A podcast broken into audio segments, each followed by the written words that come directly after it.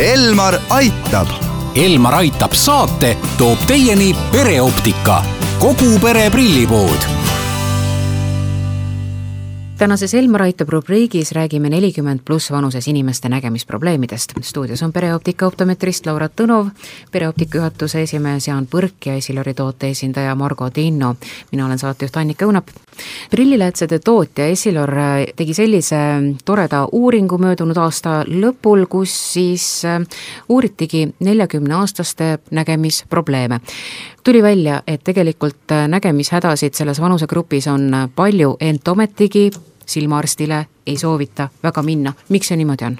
no inimesed ikkagi ilmselt äh, hoiavad ennast äh, oma nagu läätsevõimaluste juures, mis neil siis hetkel on, ja, ja noh, mingil põhjusel ei, ei teavitata ka endale probleemi olemust, et, et saaksime tegelikult, ütleme, kauplused saaksid aidata inimesi nägemiskvaliteedi parandamisel.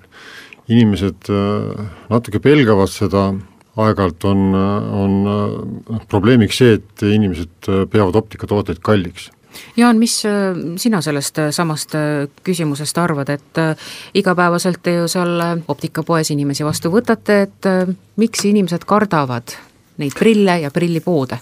ilmselt üks põhjuseid on see, et, et arvatakse, et prillid teevad vanemaks ja et et äh, kui see nelikümmend pluss äh, koos prillidega kätte jõuab, et siis juba ongi vanadus käes. ei, ei peaks kartma, kas, äh, kas siis prillid on koledad, ei ole, et prillid on ilus aksessuaar ja ta näitab siis minu arvates küpsust. Laura, millised on need peamised nägemisprobleemid nelikümmend pluss vanuses inimestel? põhiline nii-öelda kaebus või probleem ongi see, et näiteks käed jäävad lühikeseks pisikest teksti on näiteks äh, raske näha, peab kissitama ja on ka pimedas väga raske näha see on siis presbüoopia, millest räägime, et äh, otseselt see ju midagi hullu ei ole, et see ongi lihtsalt vanusega kaasnev nähtus, nagu meie kõik organid, nende töövõime väheneb, siis väheneb ju ka silmade töövõime. just nii kõik sellised teooriad väidavad, et äh, presbüoopia tekib inimesel siis, kui ta ületab oma neljakümne aasta künnise. Aga noh, tegelikult on tänapäeva maailm ju selline, kus äh, äh, erinevad nutiseadmed meie silmi ju kurnavad ja tegelikult see presbüoopia võib ju varemgi saabuda, et millises vanuses peaks nüüd sellisele nii-öelda vanusega kaasnenud nägemise halvenemisele tähelepanu pöörama hakkama? Mm, võib ka põhimõtteliselt äh, presbüoopia alata kuskil kolmekümne viiendast eluaastast. et olenebki hästi palju tööst, oleneb hästi palju sellest, et palju nii-öelda seda arvutiga lähitööd on. loomulikult vanust ei saa ju mitte keegi ju kuidagimoodi takistada peale tulemast, et äh, inimene vananeb, loomulik nähtus, organid vananevad, et äh, siis see tähendab ka seda, et ega ju presbüoopiat ka ei saa ennetada justkui? ei aga kas on mingisugused tegevused, mis aitavad seda nii-öelda kuskile kaugemale tulevikku lükata? tegelikult väga mitte. kuulnud olen, et vähemalt võimlemine võiks kuidagimoodi säästa või porgandi söömine, kas need aitavad? Muidugi aitavad, et äh, porgand on äh, üldse selline vitamiinirikas toiduaine, et ta aitab üldse äh, meie elus olla värskemad, haigustele vähem vastuvõtlikud, nii et, et porgand aitab kindlasti ka heale silmanägemisele kaasa, see on tõsi. presbüoopiat siis ma saan aru, et ennetada ei ole võimalik ja, ja mingit sellist imeravimit ka ei ole, et seda tulevikku lükata.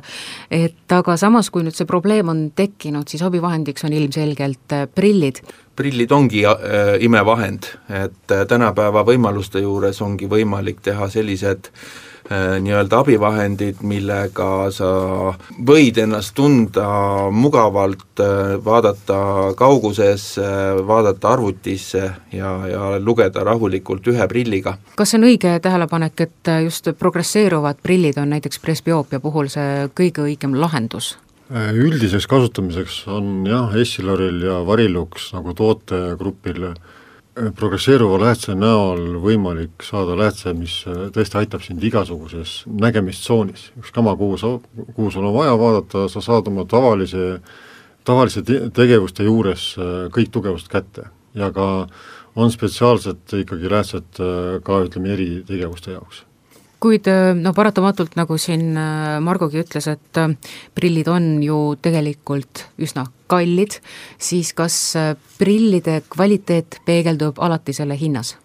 kvaliteet jah, suuremalt jaolt hind on ikkagi teatud mõõdupuu, et kui te valite ütleme, korralikud prilliraamid ja sinna väga korralikud äh, läätsed, et siis äh, vot selles nähtamatus äh, läätses äh, väljendub jah, et see, see ütleme, tehnoloogiline areng ja arendus on, on, on hinnas märgitud jah, mingit pidi.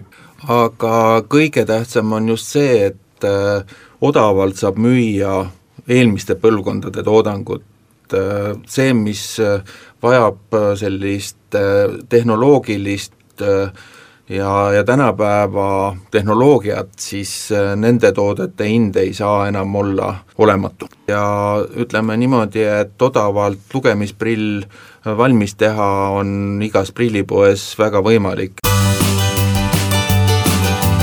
Elmar aitab. Elmar aitab saate toob teieni pereoptika, kogu pere prillipood